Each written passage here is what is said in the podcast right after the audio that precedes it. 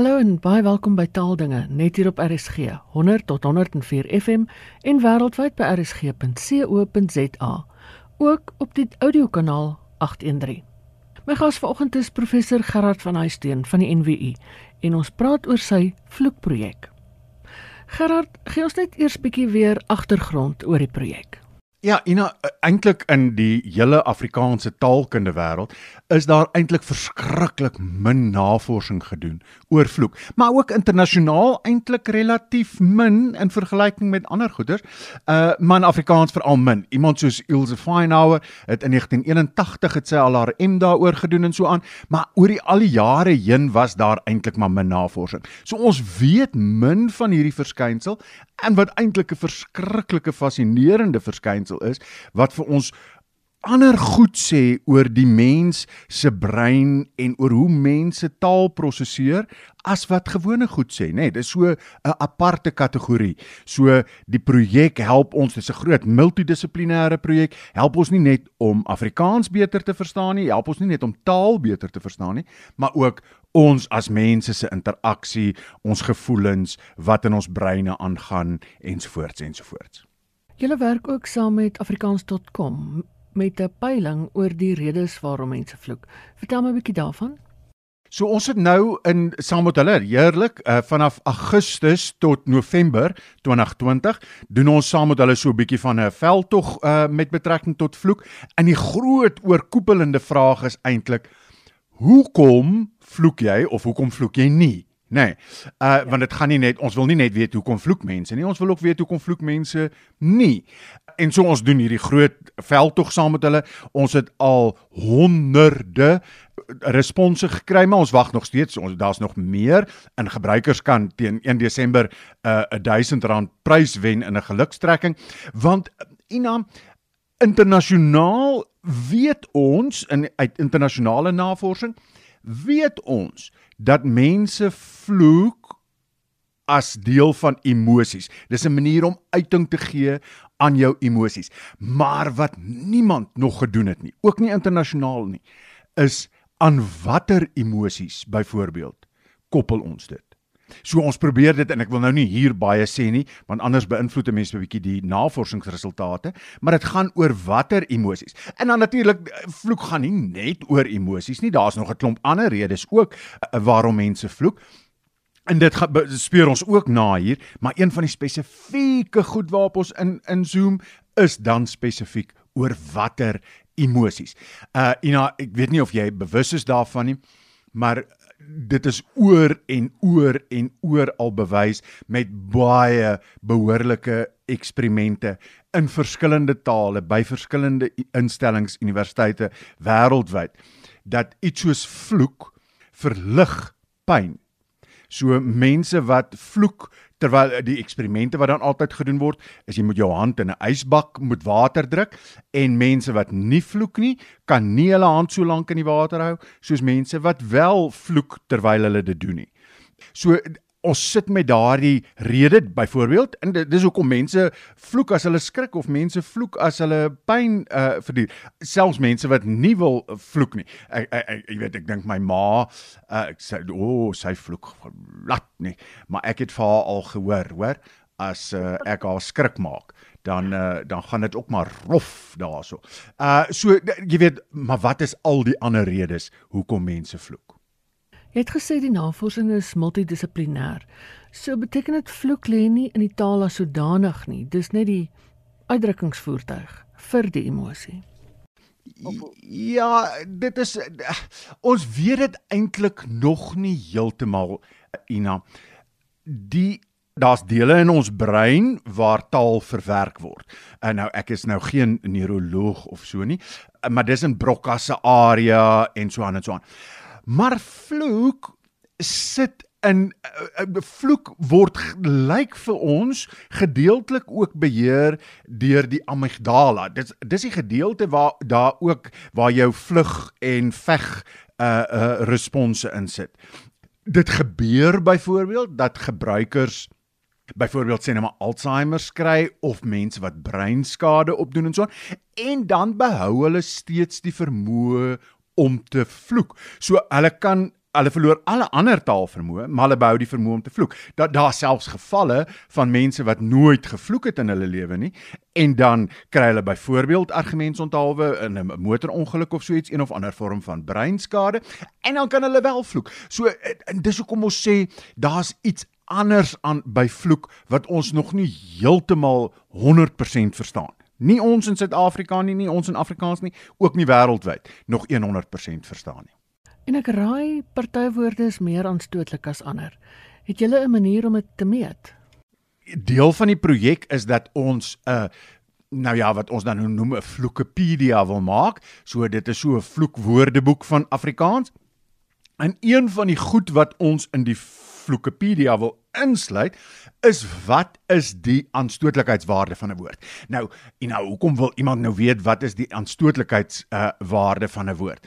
Daar's baie praktiese redes daarvoor. In een van ons M-studente, Mart Marie van der Merwe van die Universiteit van Pretoria, uh, sy gaan spesifiek daaroor navorsing doen, want in die publikasiewet staan daar dat ouderdomsbeperkings toegeken word aan taal op grond van of dit matig aanstootlik is en of dit baie aanstootlik is ensovoorts ensovoorts. Maar dis al wat daar staan. Daar's is net hierdie 4 of 5 kategorieë, maar daar's nie voorbeelde by nie.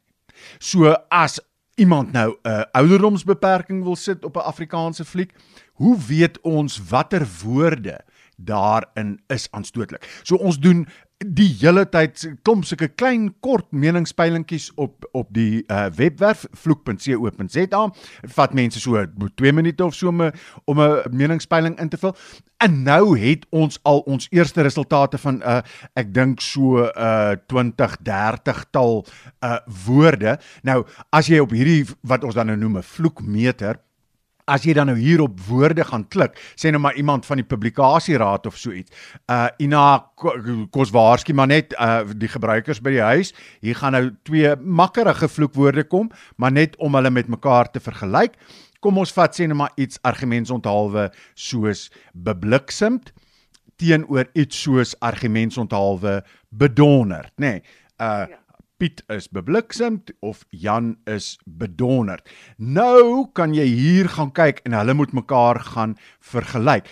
En dan sien jy dat hulle baie soortgelyk is in hulle aanstootlikheidswaarde en dis 'n redelik gemiddeld ondergemiddeld selfs.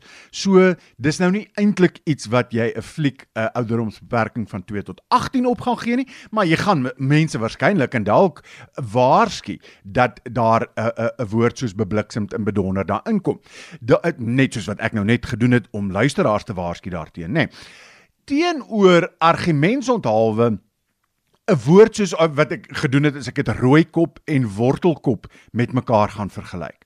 En dan sien jy om iemand 'n rooikop of 'n wortelkop te noem, nou, is nie eintlik regtig aanstootlik in enige iemand se boeke nie.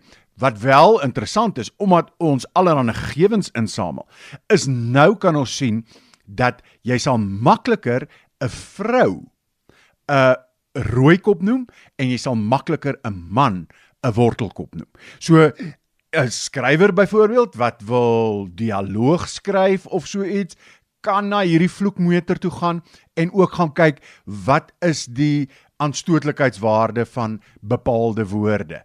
As jy besig is om jeugboeke te skryf, dan kan jy gaan kyk na wat is milder vloekwoorde as ander ensvoorts. So daar's 'n klomp toepassingsterreine van hierdie vloekmeter en ons probeer om nie jy weet te wag tot al die uitslae beskikbaar is nie, maar om die data beskikbaar te maak soos wat die resultate binnekom. Daar's ook 'n interessante onderafdeling van die projek waar jy vir bekendes vra wat hulle ervaring van vloek is in hulle bepaalde werksomstandighede. Vertel bietjie daarvan. Die gedagte het eintlik ontstaan in by die eerste vloek simposium wat die virtuele instituut van uh, Afrikaans aangebied het en en toe een van die gassprekers daar gesê hy uh vloek maar hy vloek nie vir sy kind nie. En toe kom daar by my 'n ding op maar waar lê by in die kunste waar lê die grense van selfsensuur en dan natuurlik daarmee saam sensuur in den brede en 'n geïnstitusionaliseerde sensuur nê nee, hier in die jare 70 wat boeke verban is iets soos Magersfontein o Magersfontein wat spesifiek verban is as gevolg van sy taalgebruik.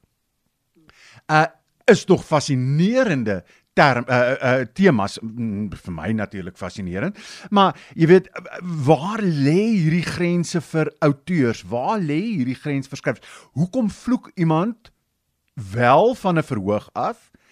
en ander iemand nie van 'n verhoog af nie. So ons het, het begin met so 'n reeks in ons dit nou bekend gestel saam met uh, hierdie afrikaans.com veldtog. Uh die eerste een was byvoorbeeld met Anton Goosen, daarna met uh Amanda Strydom, daarna met Claire Johnston, Valiant Swart en uh dit was die musiekmense en nou in uh, Oktober gaan ons kyk na mense in die teaterwêreld onder andere met Leon van Niro praat en dan in November praat ons met skrywers onder andere Sofia Kap en dan die oud voorsitter van die publikasieraad Prof Kobus uh van Rooyen gaan ons dan ook mee praat onderhoude voer en dan gaan ons natuurlik in in in 2021 as ons gespaar bly gaan ons dan voort met hierdie onderhoude juis om vanuit verskillende perspektiewe te verstaan hoe mense dink oor vloek wanneer hulle in hierdie skepende omgewings is. Kan jy al gevolgtrekkings maak in die sin dat mense versigtig is om sekere kategorieë woorde te gebruik? Ek is baie versigtig om eintlik daaroor te praat op hierdie stadium. Uh gewoon om een rede. Uh, nou praat mense daaroor en jy wil hê mense moet gaan deelneem aan jou meningspeilings en so aan. En nou begin jy al goeie sê so ek is eintlik bietjie bang daarvoor om dit te doen. Maar dit is definitief so. Uh kom ek sê maar net uit die paar onderhoude wat ons al byvoorbeeld met bekende mense gedoen het. So kom ons vergeet nou van tussen vet aanhalingstekens gewone mense. Um is mense baie bewus daarvan? Uh kunstenaars is baie bewus daarvan om onder die rok uit te vloek of uit die broek uit te vloek is is moeilik en die ander ene is om uit die kerk uit te vloek uh gaan ook nie maklik nie. Uh jy kan nog met met woorde soos bedonderd en bebliksemd en so aan kan jy nog wegkom. Uh en ek dink met die die flippens en die freakens en die uh selfs demit en so aan, jy weet dis, dis maklik, maar die oomblik selfs al kom jy by sulke eufemismes, sulke verdraaiings van woorde wat met die seksuele te doen het en woorde wat met religie te doen het, daar is al vir ons lyk dit uh gevaarterreine. Nou nou Ina, ek bedoel ek uh, dit dit vat nou nie een of ander breinchirurg of 'n uh, neuroloog om dit nou te verklaar nie. Ek dink ons weet dit almal, nê. Nee. Ehm um, maar ek wil eintlik nie op hierdie stadium veel meer as dit sê nie. Daar is taalkundige beginsels, verskynsels wat aandui dat 'n mens jou taal aanpas na gelang van die situasie. Uh dit geld sekerlik ook vir vloek. Sonder twyfel, uh Ina, dit is dit is eintlik een van daai daai merkers in taal wat dit verskriklik mooi illustreer. Ek is al eh, gekapitel deur Facebook gebruikers omdat ek 'n uh, sê net maar 'n vloekwoord sal skryf in 'n plasing op Facebook, maar dan vervang ek die uh klinkers argumentsonthaalwe met 'n sterretjie. En dan sê hulle, "O oh, ja, dit is vreeslik gefeinst en vreeslik tweegesig en en so aan." Uh well, ek het op Facebook vriende wat 60 en 70 jaar oud is en ek het mans en ek het vrouens en ek het kindersvriende en ek het almal daar. Uh en ek weet mos nou nie in watter omstandighede jy uh dalk lees wat ek daar skryf nie as jy sou. En dis vir my gewone teken van weet jy wat, hierdie is 'n baie openbare ruimte. Uh wanneer ek ek is nie skaam om te sê nie wanneer ek met intieme vriende uh gesels en so aan kyk dan is daar maar min remme uh by my uh maar in die openbaar kan ek natuurlik mos ek ek ek weet hoe om aan te trek as ek supermark toe gaan en ek weet hoe om aan te trek as ek uh rugby gaan kyk. Uh en dis maar vir my dieselfde. Ek trek maar net die regte woorde aan uh binne 'n bepaalde konteks. Uh en dis maar my interpretasie daarvan. Uh, ons moet dit nog beter verstaan. Maar dit ek sien dit nie as gefeinst nie. Dalk maar omdat ek dit self doen. Gerard het gesê daar is twee M studente wat oor die onderwerp werk. Vertel bietjie daarvan. Die een student wat ek net nou genoem het, uh Mart Marie van der Merwe, uh by Tukkies, ons wil juis uh by uh, met haar studie wil ons bepaal wat is daai 50 mees prototipiese Afrikaanse vloekwoorde. Dis maklik. Ons kan almal uh, ons Vloekepedia, die woordeboek, uh, het ons nou al 711 woorde in dink ek het ek gisteraand gekyk. Uh en ons is nog besig om data in te samel en so aan. Uh maar van die 700 plus woorde, watter is nou daai prominentes? So ons wil dit weet en dan van daai 50 wil ons dan kan gaan rangskik om te sê hierdie is die ergste en hierdie is die minste erg. Nou eh, eh, dit het al direkte toepassing dan byvoorbeeld in uh iets soos die publikasiewet en en so aan. Die ander student is Colet Kombring. Nou sy uh jong uh, meer letterkundig van aard. Uh so ek verstaan daar ook nie altyd alles van nie. Uh maar die die taalkunde deel verstaan ek. Ons het begin by haar om te sê in Hertzogprys wenners. Hoe het vloek ontwikkel met die jare? Was daar vloek in die begin van 'n jare en vloek in die later jare? Nou een van die goed wat ons onmiddellik gesien het, is as jy hier gaan kyk na goed uit die 1930s en so aan, jy weet die ampies en daai tipe ja. van boeke, dan is dit deurspek van woorde wat ons vandag sal dink is vloekwoorde. Uh want dit is gewoon deurspek van die rasseterme uh, en en en so aan, jy weet. En dan word dit al moeilik om te beoordeel waar trek jy hierdie grense en so aan. In elk geval en dis nou maar die paaie wat mense dan nou loop daarmee en toe het sy uiteindelik uitgekom uh en gaan nou meer fokus op een spesifieke skrywer en hoe wat sy perspektiewe is op vloek en hoe hy kreatief vloek en so aan en jy weet so so dit dit raak amper meer 'n skryfkunsagtige ding van hoe gebruik 'n skrywer vloek behalwe vir karakterisering in in in boeke. Jy weet, jy kan ook dink ek het al interessante gesprekke gehad met uh, Prof Hans Du Plessis byvoorbeeld in historiese romans. Jy nou jy 'n 'n 'n boek wat afspeel of 'n verhaal wat afspeel in die Anglo-Boereoorlog.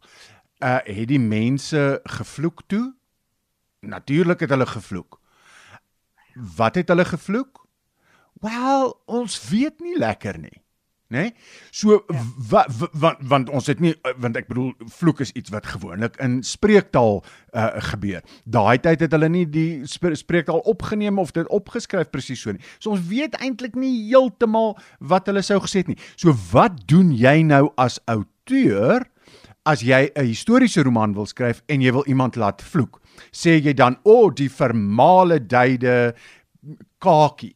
Jy weet uh het hulle ooit van kakies gepraat in in daai tyd? Uh 'n woord wat ons uit die AWS uit byvoorbeeld gehaal het kakie uh, gewoon omdat dit in 20 1920 so nie eintlik meer 'n term is wat jy gebruik om om mense aan te spreek nie. So gewoon vanuit 'n historiese perspektief uit uit 'n historiese verhaal perspektief uit wat is daai woorde wat jy kan gebruik Ek maak nou 'n grapjie oor die letterkunde en so aan. Dis inderdaad fascinerende goed en ek kan nie ook nie wag vir die resultate daarvan nie. Dit was professor Gerard van Huisteen van die NWU. Dis dan ook al waarvoor daar vandag tyd is. Die potgooi van die en ander programme is beskikbaar by rsg.co.za. En daarmee groet ek dan. Geniet die res van die Sondag in RSG se geselskap. Bly veilig, bly gesond en van my Ina Strydom groete. Tot 'n volgende keer.